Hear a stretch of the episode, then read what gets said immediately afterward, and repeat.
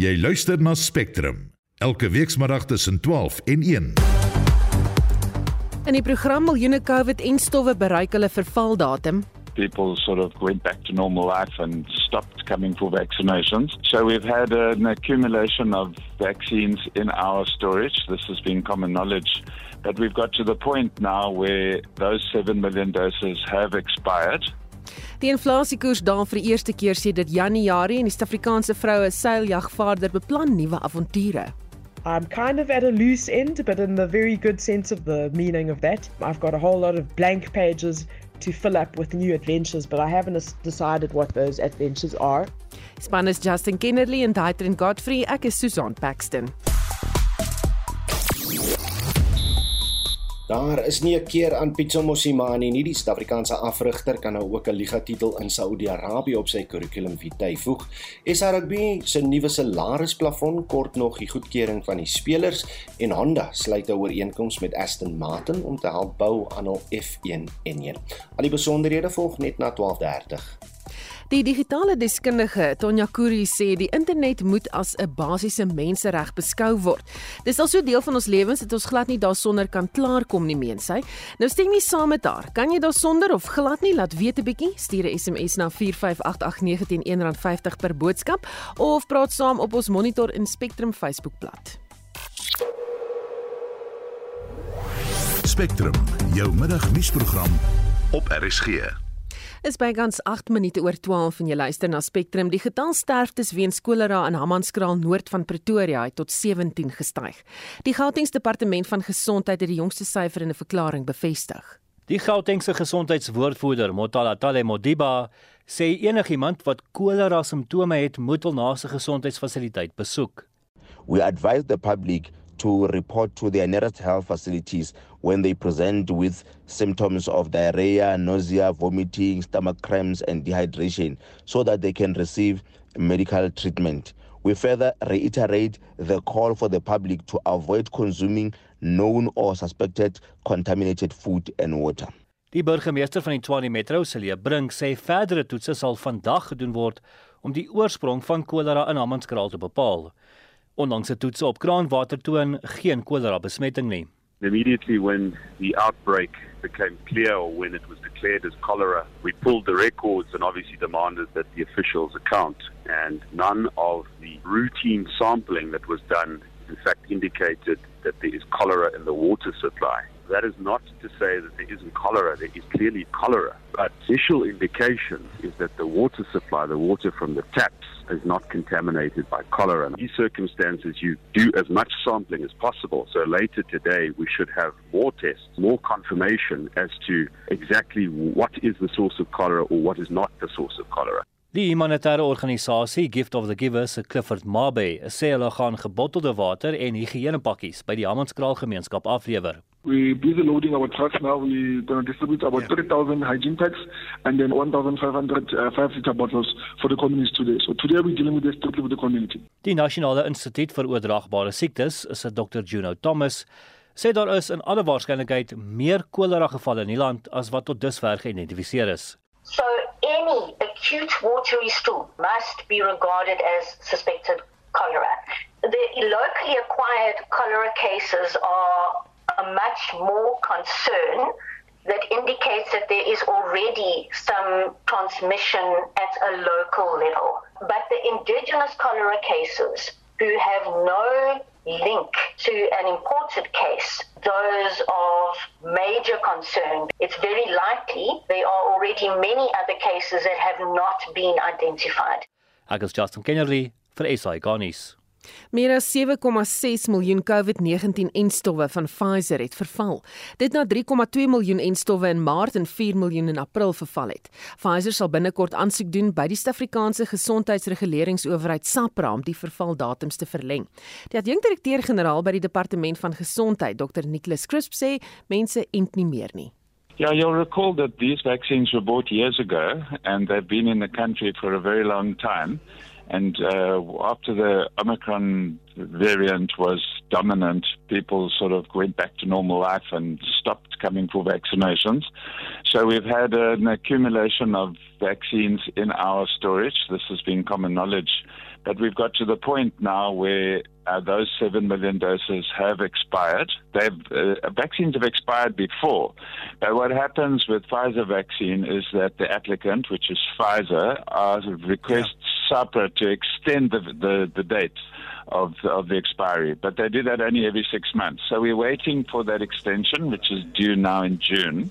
Uh, which will be for six months. So there's a bit of a reprieve. The vaccines from that expired at the end of March will be, you know, six months hence, and April six months hence, and then then that'll be it.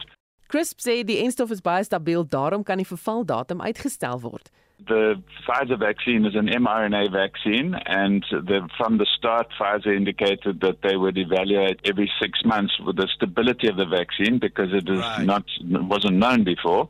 We now know uh, that the vaccine is extremely stable. It's still in okay. storage in minus 70, so it's perfectly safe. But this is probably the last extension that they'll apply for. Volgens Chris is die enstof nog nie waardeloos of 'n vermorsing vir die departement van gesondheid nie. Uh, no, not yet. I mean, at some point we will get, uh, because the usage is so low, we'll get to a point where that they are unable to extend the, or, yeah. or don't wish to extend it, but we're not there yet.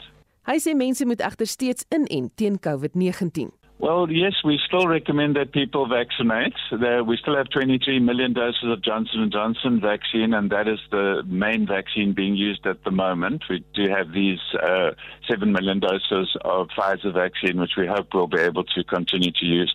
But the public is not very enthusiastic about vaccination, and the vaccination program is no longer a mass campaign, so it's only available as part of the normal routine primary healthcare services, which means that in the private sector, it's pretty much wound down to a handful of facilities.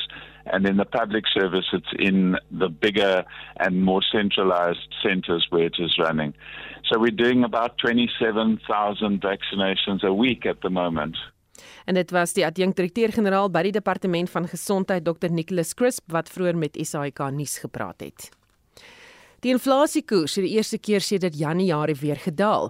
Die jongste verbruikersprysinflasie-indeks wat deur Statistiek Suid-Afrika bekend gemaak is, toon dat die inflasiekoers van 7,1 in Maart tot 6,8 in April verlangsaam het. Ons praat nou met Dr Elna Moelman, die hoof van makro-ekonomie, vaste inkomste en geldeenheid navorsing by Standard Bank. Goeiemôre Elna. Goeiemôre. Goeie nuus dat hierdie inflasiesyfer gedaal het of hoe? Dit dit is definitief 'n verligting en dit was laer gewees as wat ons verwag het.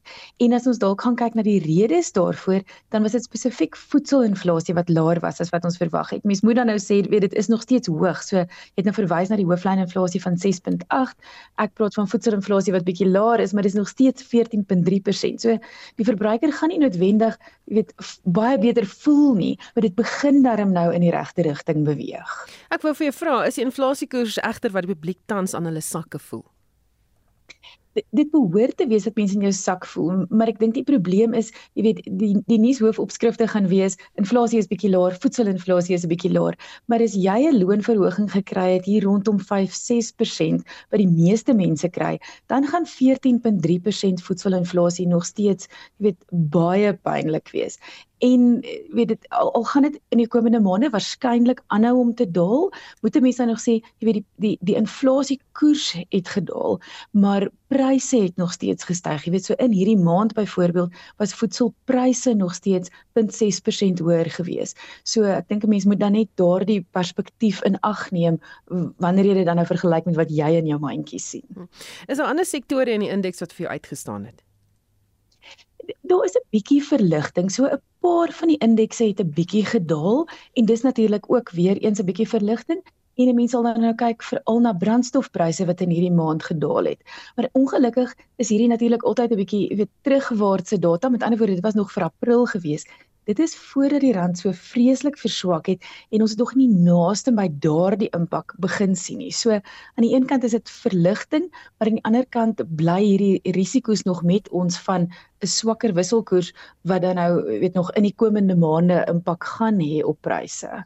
Groot vraag natuurlik, hoe sal dit rentekoerse beïnvloed dink jy?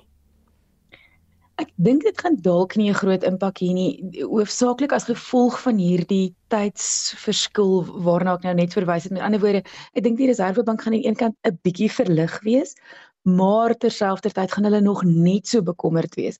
Die probleem met die wisselkoers veral is dat daar 'n paar redes vir die swakheid is. Ons het weet natuurlik van die Rusland verwikkelinge en ons verhouding met Amerika en dan natuurlik die kragsituasie en die risiko's daar rondom.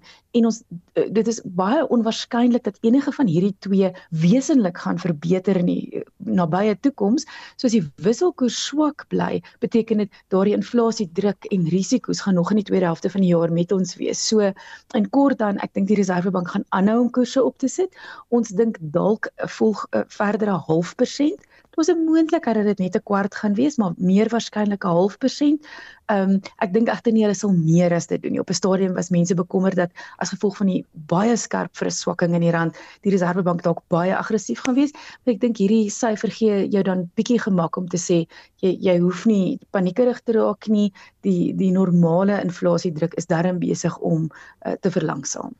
Baie dankie. Dit was Dr Elna Moelman, die hoof van makro-ekonomie, vaste inkomste en geldeenheid navorsing by Standard Bank. Ons bly by ekonomiese sake. Beerdkrag oorskadu tans alle ekonomiese aktiwiteite in die land. Die negatiewe impak daarvan op ekonomiese groei is duidelik sigbaar in die jongste Suid-Afrikaanse Kamer van Koophandel en Nywerheid Handelstoestande Indeks wat onlangs bekend gemaak is, so sê die ekonom Richard Downing. Dit lyk op die oomblik nie baie goed nie. As 'n mens nou kyk na die huidige handelstoestande dan sien ons dat daai indeks staan hier in die omgewing van 43 en so. En dit beteken dat die meeste van jou handelaars in watter rigting ook al want ons praat van handel in die wydste sin van die woord dat hulle eintlik maar 'n moeilike tyd beleef. En ons sien dat dit veral rondom sê maar uh weet nuwe nuwe bestellings en verwagtinge is eintlik 'n groot probleem en ek dink dit het baie te doen met hierdie beerkrag situasie waarin ons mee te doen het en dan ook natuurlik inflasie wat nog steeds daar rond is en wat streng monetêre beleid half noodsaak op hierdie stadium. So met ander woorde jou verbruikers vir alles in 'n slegte posisie.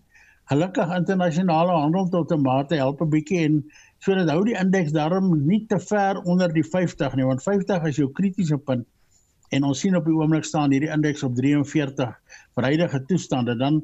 Aan die ander kant sien ons ook maar weet insetkoste veral rondom beedkrag addisionele kostes wat besighede moet aangaan vir alle handelaars om die ligte aan te hou en die winkels oop te hou en die goedere onder vriespunt te hou wat ook al die geval mag wees. Dit het ekstra soort van kostes tot 'n mate tot gevolg en dit uh, dit uh, sien ons ook in die indeks wat onder die 50 is So beerdkrag, die elektrisiteitsprobleme definitief uh, oorskadu nou enigiets wat gebeur in die land ekonomies.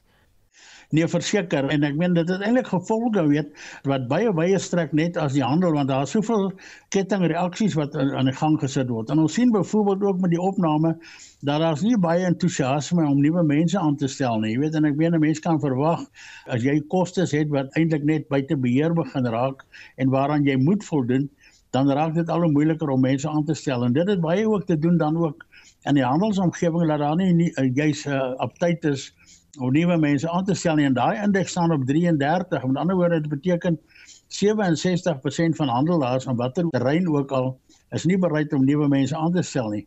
Maar soos ek gesê die groot probleem lê eintlik by verwagtinge. En verwagtinge sien ons heidaglik 'n nuwe bestellings wat af is. Ons praat van ver onder die 50 En dan sien ons dat dit in terme van verwagtinge waar verwagtinge gewoonlik hier in die omgewing van byna 60% van jou handelaars is wat nog altyd positief was, sien ons dat dit nou maar omtrent by 51 staan, net net in positiewe gebied. So daar is daarom altyd nog iets om na uit te sien en hopelik dinge verbeter. Maar dit is eintlik die groot storie hierdie maand vir Maart en April eintlik dat verwagtinge sterk afgeneem het en dat daai indeks staan op die oomblik op 51. So met ander woorde, dit is glad nie 'n goeie toestand waarin ons verkeer nie. En as jy se seisoensfaktore in ag neem wat ook hierdie tyd van die jaar na vore kom, dan staan die indeks van verwagtinge eintlik op 49. So die meeste van jou handelaars in handel uh, verwag eintlik slegter toestande. So hier en daar is daar 'n ligpunt, veral internasionale handel is belangrik in terme van om sake vertroue op 'n sekere positiewe vlak te hou. Maar ook daar sien ons dat politieke gebeure en so aan ook 'n negatiewe invloed kan hê op ons verhouding met handelsvennote en dit dit hou gevaar in eintlik vir 'n op 'n wyeer front as ons nie daaraan werklik aandag gee nie. En dit was die ekonom Richard Downing.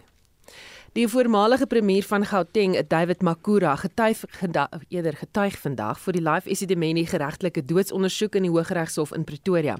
Makura ontken beweringe dat die premier se begrotingskomitee besluit geneem het om die Life Esidimeni kontrak te kanselleer. Die kansellasie van die kontrak het tot gevolg gehad dat geestesgesondheidspasiënte na nie-regeringsorganisasies geskuif is en 144 pasiënte is in 2016 oorlede. Estie het die verrigtinge vir ons dopgehou. Susan net ter agtergrond, die pasiënte is vanaf Life Esidimeni na nie-regeringsorganisasies geskuif wat nie goed toegerus toegerus was nie toe Kedani Mthlangu die ANR vir gesondheid in die provinsie was. Nou Mthlangu het getuig dat besluit geneem is om kostes te besnoei en dat die besluit om die Life Esidimeni pasiënte te skuif geneem is deur die voormalige ANR vir finansies Barbara Krisi en Makura toe die voormalige premier. Krisi het gister getuig en gesê kostebesnoeiingsmaatreëls wat gedurende haar termyn in werking gestel is, het niks te doen gehad dat Life Esidimeni gesluit is nie. My understanding council is that the department had taken a decision to reduce their bed usage at Life Sedimeni by 20% per annum and that they were estimating that if they reduce their bed usage by 20%, in the 2015 16 financial year, they will save 50 million rand. And that they were going to place the patients in departmental institutions. Is dit dan het Krisie ook getuig dat die premier se begrotingskomitee nooit 'n opdrag gegee het dat die Life Esidimeni kontrak beëindig moet word nie. Dis reg Susan en Krisie het getuig geestesgesondheidsdienste is statutêre dienste en dat die premier se begrotingskomitee nie normaalweg by magte is om statutêre dienste te kan opskort nie. I can tell you this because I used to be the MEC of education once upon a time. The PBC would never have said to me, close schools. We don't have enough money for schools, close schools. So it was not practice in the provincial government for MECs to be given instructions by anybody, whether the Budget Council or the Executive Council, to close statutory services. Nou Makura is ook vandag tydens sy getuienis hieroor uitgevra. Ms. Matlang says that in that very meeting of 26 November 2014, the PBC took the decision that the department must cancel the life acid contract. What is your response to that? The PBC would be in no position to take a decision on a contract. It is not something the PBC has authority on. It's very clear. I am not aware at any period that the, a PBC would have taken a decision on a contract. It would completely be unlawful. Makura se getuienis duur voort. En dit was Estie wat vir ons die live Esidimeni hofverrigtinge dop hou. Ons bly by die storie en praat nou met professor Erwin Swela, die dekaan van sosiale innovasie aan die Huguenot College. Goeiemiddag Erwin. Middag Susan, middag aan die luisteraars. Die voormalige ALR vir gesondheid in Gauteng, Kodani Mslango het haarself terwyl haar getuienis voor die geregtelike ondersoek vir onskuldig. Sy het die blame vir die besluit wat geneem is om pasiënte na nie-regeringsorganisasies oor te plaas, geplaas op die voormalige ALR vir finansies Barbara Krisi en die voormalige Gautengse premier David Makura. Maar as die hoof van die gesondheidsdepartement moet Mslango nie verantwoordelikheid neem nie. Uit die aard van die saak is departementshoofde statutêr verplig om verantwoordelikheid en aanspreeklikheid onder bepaalde omstandighede te neem. In terme van die betrokke wetgewing is dit ook sodat hulle dikwels die rekenkundige beamptes is, so hulle is die mense wat finaal moreel verantwoordelik moet wees en in elk geval ook regsaanspreeklikheid moet aanvaar. Terselfdertyd dink ek is daar ook hier weer uh, die aangeleerde gedrag wat ons nou sien onder baie van hierdie vergelykbare omstandighede. Uh, wanneer dit goed gebeur en mense sê maar jy moet reg optree, dan is daar 'n soort van 'n um, aangeplakte verontwaardiging. Hoe kan jy ons van enigiets bes beskuldig? Dis die eerste benadering. Wanneer die wanneer die storie breek, dan is dit hierdie aangeplakte verontwaardiging. Die tweede manier hoe jy dit hanteer is as jy jy verskuif die blame in 'n sekere sin as jy nou hoor die getuienis in daai betrokke ondersoek kommissie. Ehm um, almal is besig om iemand anders te soek om die blame op te verplaas. Die derde ding is is daarmee koop jy tyd. Jy skop as dit ware vir die kantlyn Dis geuite gedrag nou in Suid-Afrikaanse eh, regering en administrasie. En die, die laaste een is so ongeveer om te sê, wel as ek dit lank genoeg kan aanhou, dan gaan ek nooit tot verantwoording geroep word of aanspreeklik gehou word nie. So ons ons gaan jare oorneem. Dis vier gedragsforme wat bitter min te maak het met verantwoordelike leierskap wat boonop versterk behoort te word deur ons grondwet en al die omringende wetgewing. En ek dink daai vier stelle gedrag bring ons nêrens nie. Mense sterf en mense word verwaarloos en menselewens word vernietig. Hierdie gedragsforme waarvan jy praat, waarop stuur dit uiteindelik af? Wel, 'n uh, 'n soort ramp. Ehm um, ehm um, in al hierdie gevalle waar hierdie gedragsforme toenemend aangeleer omdat dit suksesvol is om jou van blaam te onthef, jou verantwoordelikheid te ontkom en veral nie aanspreeklik gehou te word nie, daar's geen gevolge uiteindelik nie. Ehm um, hierdie hierdie goed het uiteindelik die gevolge dat dienste uh op een of ander manier oneties gelewer word, dat dit oneffektief gelewer word en uiteindelik dat ons staat besig is om 'n toestand van verval in te gaan. Um dit het rampspoedige gevolge en hoe gouer ons aanvaar dat ons het 'n verantwoordelikheid nie net aanspreeklikheid nie, maar dit moet 'n diep gevoelde ethos wees van ons dien nie die mense van hierdie land ons is verantwoordelik vir hulle gesondheid, vir hulle opvoeding. Dit is die ethos wat ons moet vestig, maar dit is klaar blyklik baie moeilik onder omstandighede waar mense meeding om die beste voordeel op die kortste termyn. Hmm. Die publiek is skepties dat iets van hierdie ondersoeke gaan kom en dit lyk amper vir hulle as ek so reg lees in op openbare platforms asof dit iets is wat die regering gebruik om mense net te paai om te sê goed ons is besig met 'n ondersoek. Dink jy dit paai nog mense en gaan dit dalk die ANC in die verkiesings uh, duur te staan kom? Wel, verkiesingsgedrag en en en kiesersvoorkeure word deur baie ingewikkelde persoonlike en sosiale motiverings uh, bepaal in Suid-Afrika. So ongelukkig het ons die ervaring dat ehm um, uh, uh, dat dat mense hou aan met hulle geuite stemgedrag, skryf 'n bietjie van 'n groter wegbly stem. Op die oomblik lyk dit in elk geval asof die ANC uh, weer terugbeweeg na hoër vlakke van steun. So ons kiesersgedrag en uiteindelik vir wie mense stem uh, uh, word bepaal deur 'n ingewikkelde klomp omstandighede. Wat wel waar is, is dat die dat die soort van faktor wat by die publiek aan die ontstaan is, ehm um, en oral waar ek kom in 'n gesprekke is soos nou weer vir 'n paar dae in hierdie koalisie gesprek, is om te sê ons wil nie meer hierdie goed hoor nie. Gaan sit om 'n tafel en ons wil julle almal sien en julle moet praat oor dienslewering, julle moet praat oor ordentlike lewe vir ons en hoe julle dit gaan help maak gebeur. Ons stel nie meer belang in al hierdie goed nie. En ja, Susan, daai vierde gedragsvorm gekoppel aan die een wat sê kom ons kop vir die kantlyn en in die hoop dat daar dan later geen gevolge vir ons gaan wees nie, is nou al geuite praktyk in ons stelsel van regering en administrasie en 'n deel van ons leiers se uh ehm um, vaardighede en en die manier waarop hulle optree. Baie dankie ons gepraat met professor Erwin Swela van die Huguenot College. Jy luister na Spectrum elke weekmiddag tussen 12 en 1. Later in die program die bekendmaking van die 4de kwartaal misdaadstatistiek is met 'n week uitgestel. Meer hieroor later in die program. Daar is geen verkeer. In Pretoria op die N1 suid staan 'n voertuig net na die proefplaaswisselaar. Die linkerbaan word daar versper. En in Mpumalanga op die N4 tolkonssessie, daardie ongelukstoneel tussen die Matsulu en Kanyamazana wisselaars is nou opgeruim en die pad is weer oopgestel vir verkeer. En in KwaZulu-Natal op die N3 oos staan 'n voertuig net na die King Ketshwayo afrit. Ek hoop ek sê daai naam korrek en die linkerbaan word daar versper. En dis jou verkeersnuus op Spectrum vanmiddag.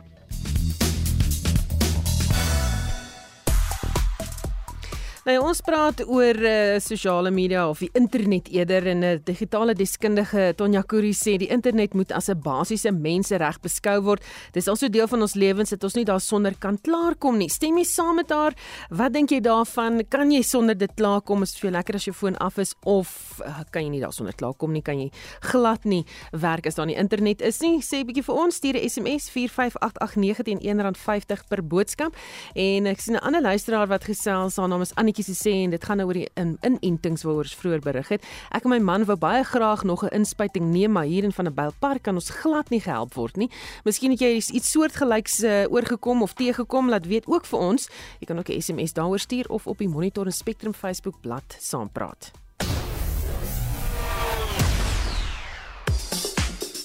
Oudo Karels sluit nou by ons aan vir die jongste sportnuus. Ons begin met sokkernuus en Pitso Mosimane, die Suid-Afrikaanse afrigter, is weer eens 'n kampioen. Hierdie keer het hy die liga-titel in Saudi-Arabië se tweede divisie met Al Ahly gewen, maar dan ook die klub opskuif na die land se Premierliga. Mosimane se sege beteken dat hy nou trofees gewen het met net mooi elke professionele span wat hy al afgerig het. In ander sokkernuus speel die nuutbekroonde Engelse Premierliga kampioene Man City vanaand teen Brighton en dis nou in hul voorlaaste wedstryd van die seisoen. Die wedstryd begin omstreeks 9uur. In rugby nuus sal SA Rugby Vrydag met die spelers verteenwoordiger My Players ontmoet om amptelik goedkeuring te werf vir sy nuutste salarisplafon.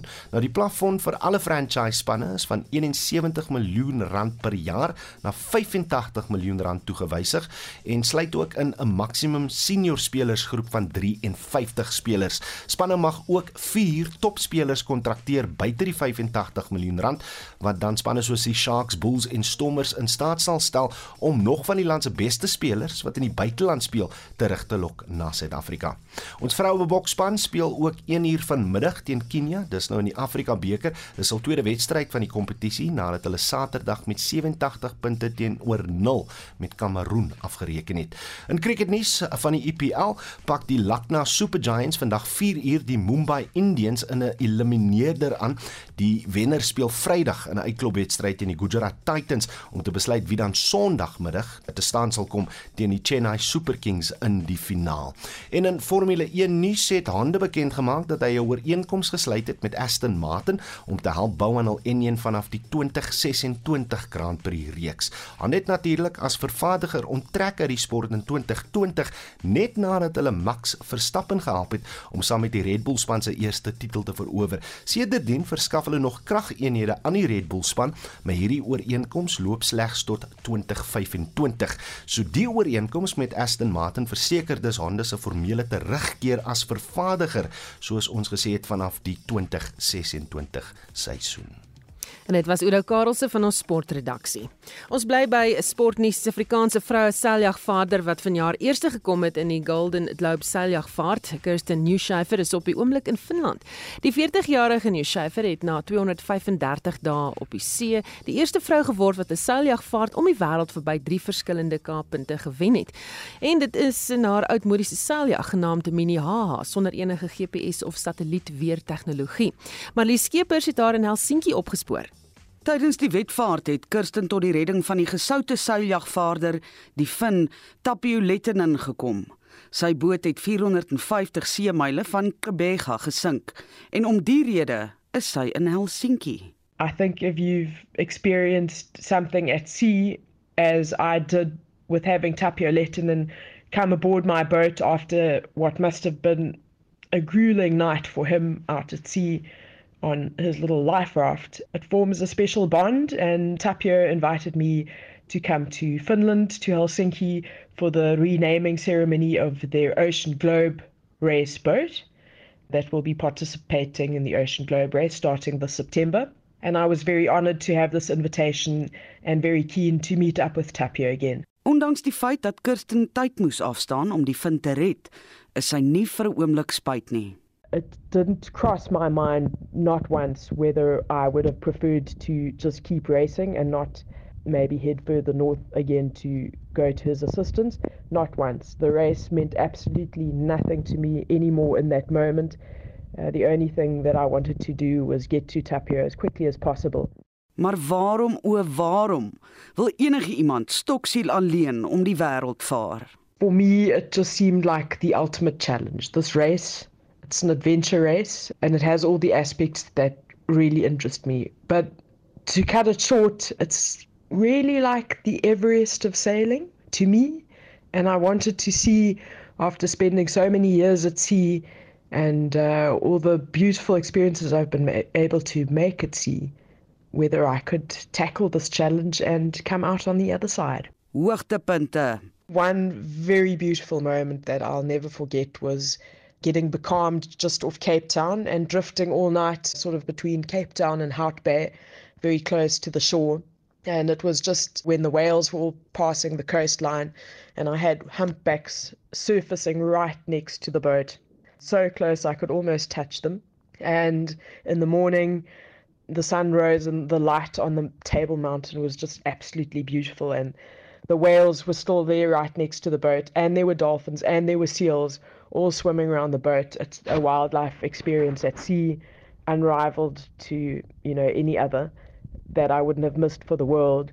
Uh, but then there were obviously other really beautiful high points, like for example, passing Cape Horn and speaking to the lighthouse keeper who was just so friendly and so encouraging that was definitely also a highlight. Na so uitmergelende tog sien sy kans vir nog avonture, maar nie noodwendig weer die Golden Globe nie. In a way I almost feel like if I did it again I'd prefer to do it for myself on my own terms because that way I could actually disconnect even more still from modern technology get away from compulsory satellite phone calls to race organizers and and yeah just do it to be completely free uh, in the manner that I feel like I would like to do it uh, maybe even closer to how they did it back in 1968 I feel I've done the Golden Globe race now and I don't know whether I'd have much interest in being a competitor in the race again Wat is volgende vir die uistervrou wat nie kan sink nie I'm kind of at a loose end, but in the very good sense of the meaning of that.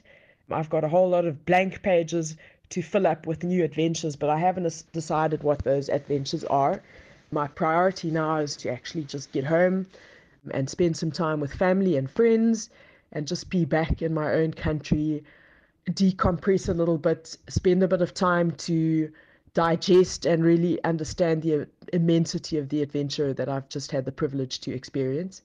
And as I do these things, new opportunities will come my way and I'll no doubt decide from there which way to go onwards. Dit was die solo seiljagvaarder Kirsten Nieuwschaffer en ek is Marlie Skeepers vir SAK nuus. Spectrum, jou middagnuusprogram op RSG en is nou 20 minute voor 1. Suid-Afrikaanse owerhede ondersoek glo bewyse wat daarop dui dat 'n besending wapens onwettig deur 'n private maatskappy op die Russiese vragskip, die Lady R, gelaai is. Die skip het in Desember by Simonstad vasgemeer. Die aanlyn publikasie Semaphore Africa berig, die inligting is bevestig deur drie mense wat vertroud is met 'n interne ondersoek deur die Suid-Afrikaanse regering. Esie de Klerk doen verslag. Ramaphosa het 'n amptelike ondersoek van stapel gestuur nadat die FSA se ambassadeur vir Suid-Afrika, Ruben Brickety, die Suid-Afrikaanse regering daarvan beskuldig het dat hy wapens aan Rusland voorsien het. Ramaphosa het gesê die ondersoek sal deur 'n afgetrede regter gelei word, maar die president het nog nie die regter se naam bekend gemaak nie. Semaphore Africa berig twee senior burgerlike beamptes en 'n sakeleier beweer wapens uit Rusland is van die Lady R in Simonstad afgelaai en 'n kleiner besending is uit Suid-Afrika op die skip gelaai en die wapens is deur 'n private maatskappy voorsien. Die DA se skademinister vir verdediging, Kobus Maree, sê die beweringe is 'n bevestiging van sy inligting dat wapentuig wel op die Lady R in Simonstad gelaai is. Maar Simonstad is 'n Suid-Afrikaanse vlootbasis en as enige private maatskappy vrag op 'n skip daar gelaai het, sê Maree, moes dit geskied het met behulp van die regering.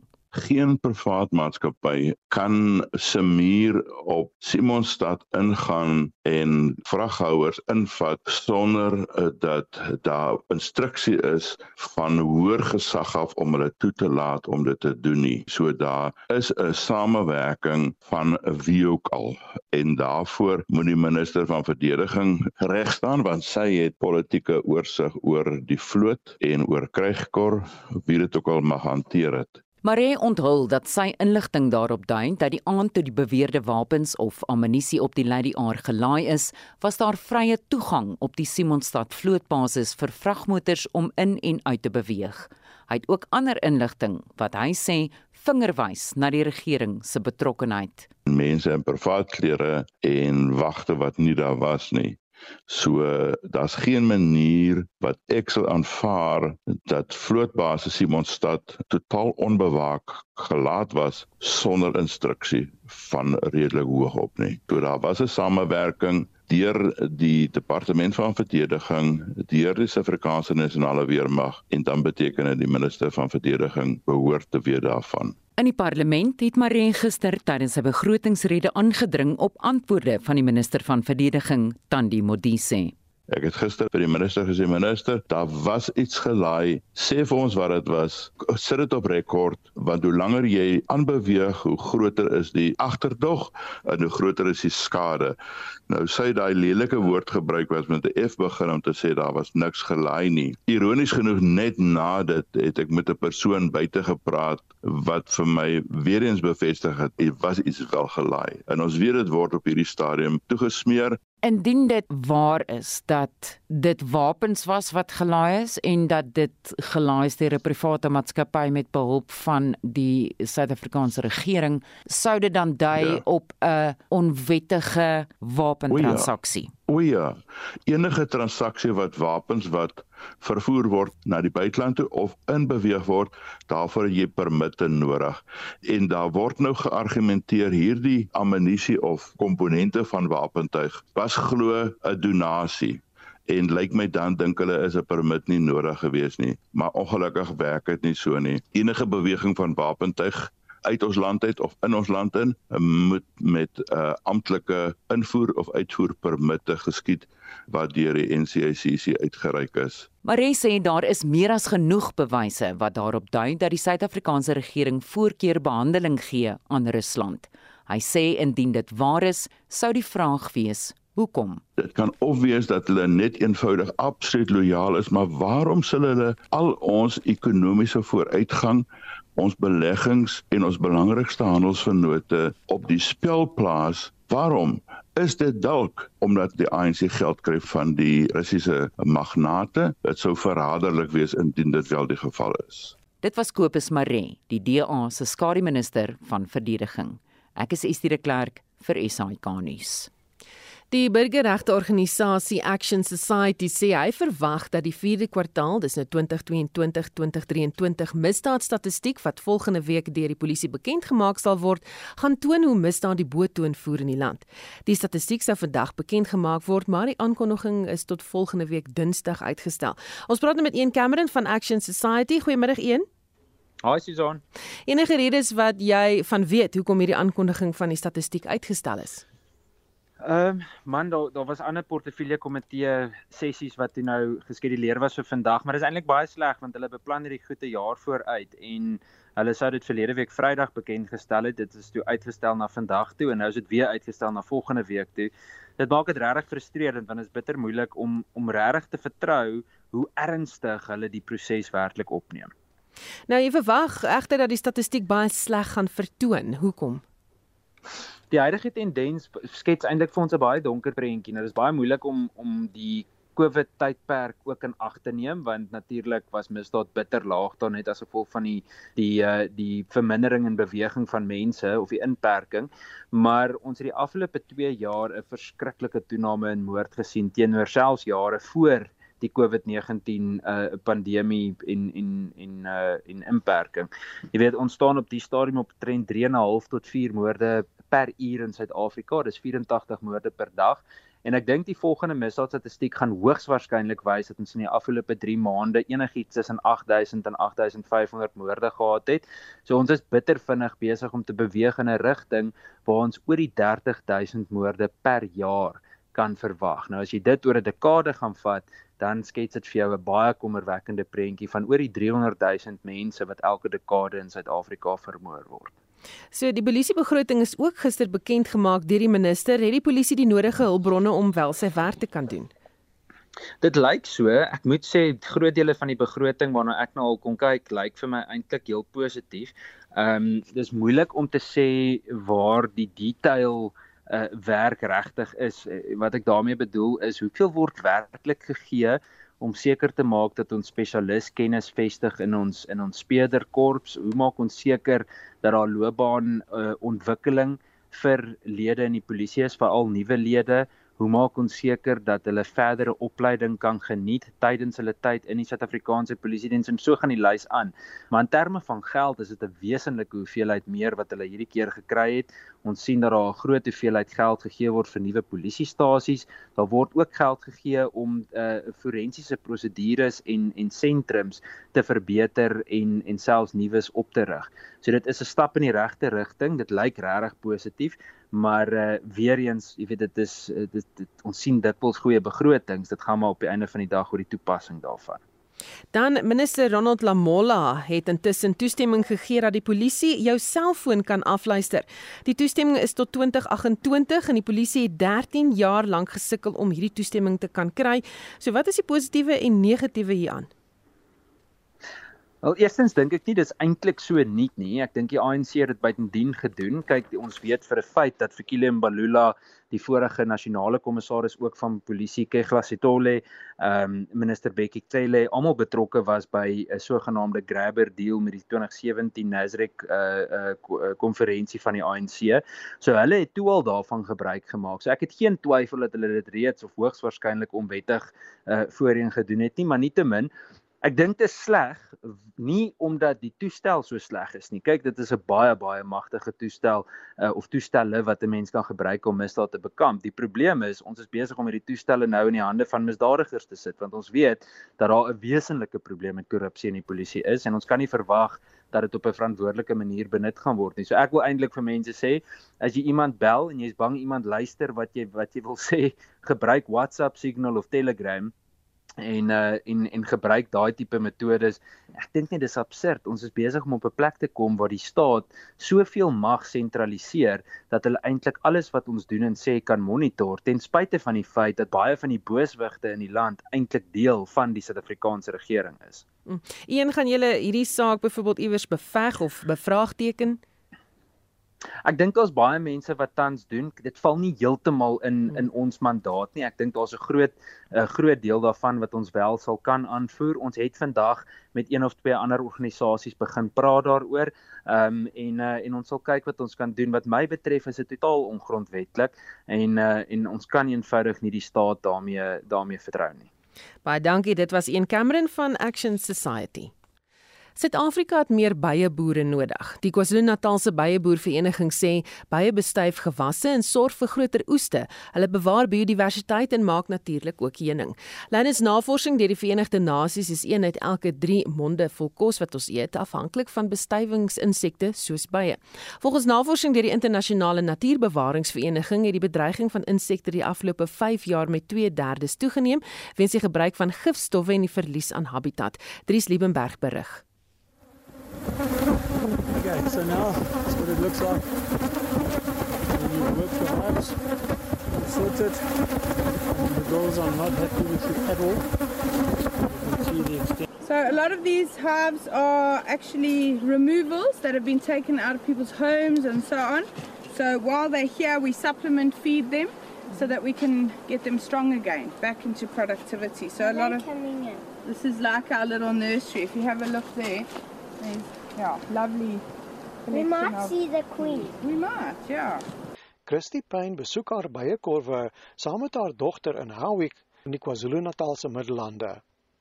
Haar beieboerdery het binne enkele jare van 'n paar korwe in haar tuin tot byna 1000 gegroei. We started beekeeping about 6 years ago just in our garden And four years ago, we decided to go commercial. And we've grown our business quite significantly in that time. We now manage close on 1,000 colonies in KwaZulu Natal. We also run bee removals all over KZN, and we are rescuing bees literally every day. And we also run beekeeping courses where we are growing the industry one beekeeper at a time. Yeah, so wonderful.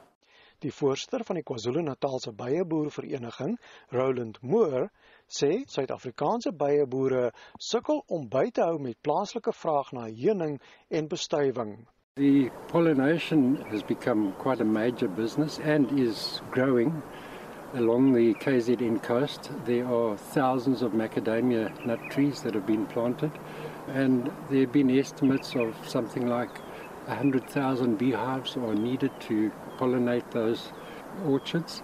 So there are a number of crops uh, that are pollinated by bees. And the, the reason for it is to produce a perfect fruit. It also increases the farmer's yield.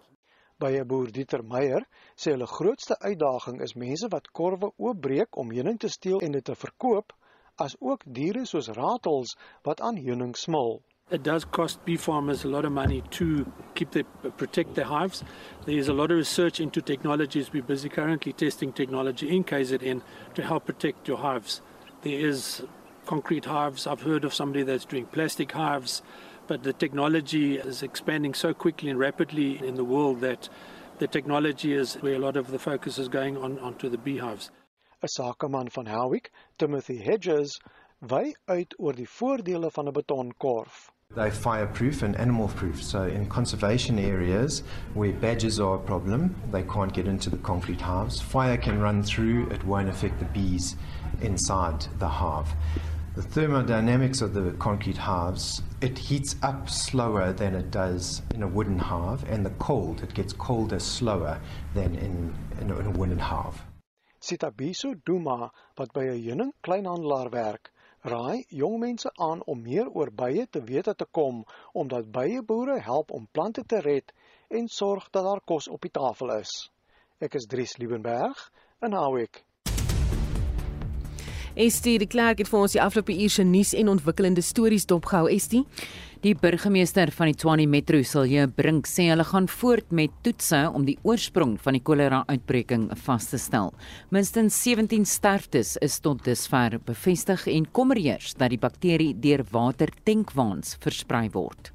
The water supply, the water from the taps is not contaminated by cholera. In these circumstances, you do as much sampling as possible. So later today, we should have more tests, more confirmation as to exactly what is the source of cholera or what is not the source of cholera. Die voormalige Gautengse premier David Makura het beweringe weer lê dat sy begrotingskomitee die besluit geneem het om die Life Esidimeni kontrak op te skort. Makura getuig in die Pretoria se Hooggeregshof in die ondersoek na die dood van die 144 geestesgesondheidspasiënte wat in 2016 na swak toegeruste nie-regeringsorganisasies geskuif is. Hulle is onder meer dood aan ontwatering en wanvoeding. The PBC would be in no position to take a decision on a contract. It is not something the PBC has authority on. It's very clear. I am not aware at any period that the, a PBC would have taken a decision on a contract. It would completely be unlawful. Twee vermeende rowers is tydens 'n skietery met die polisie en veiligheidswagte in Newlands Oos in Durban doodgeskiet. Volgens die polisie het 'n gewapende bende 'n koeriermaatskappy vanoggend beroof. Die polisie het die mans gevolg tot by 'n huis in Newlands Oos waar die skietery uitgebreek het. 'n Derde verdagte is in hegtenis geneem.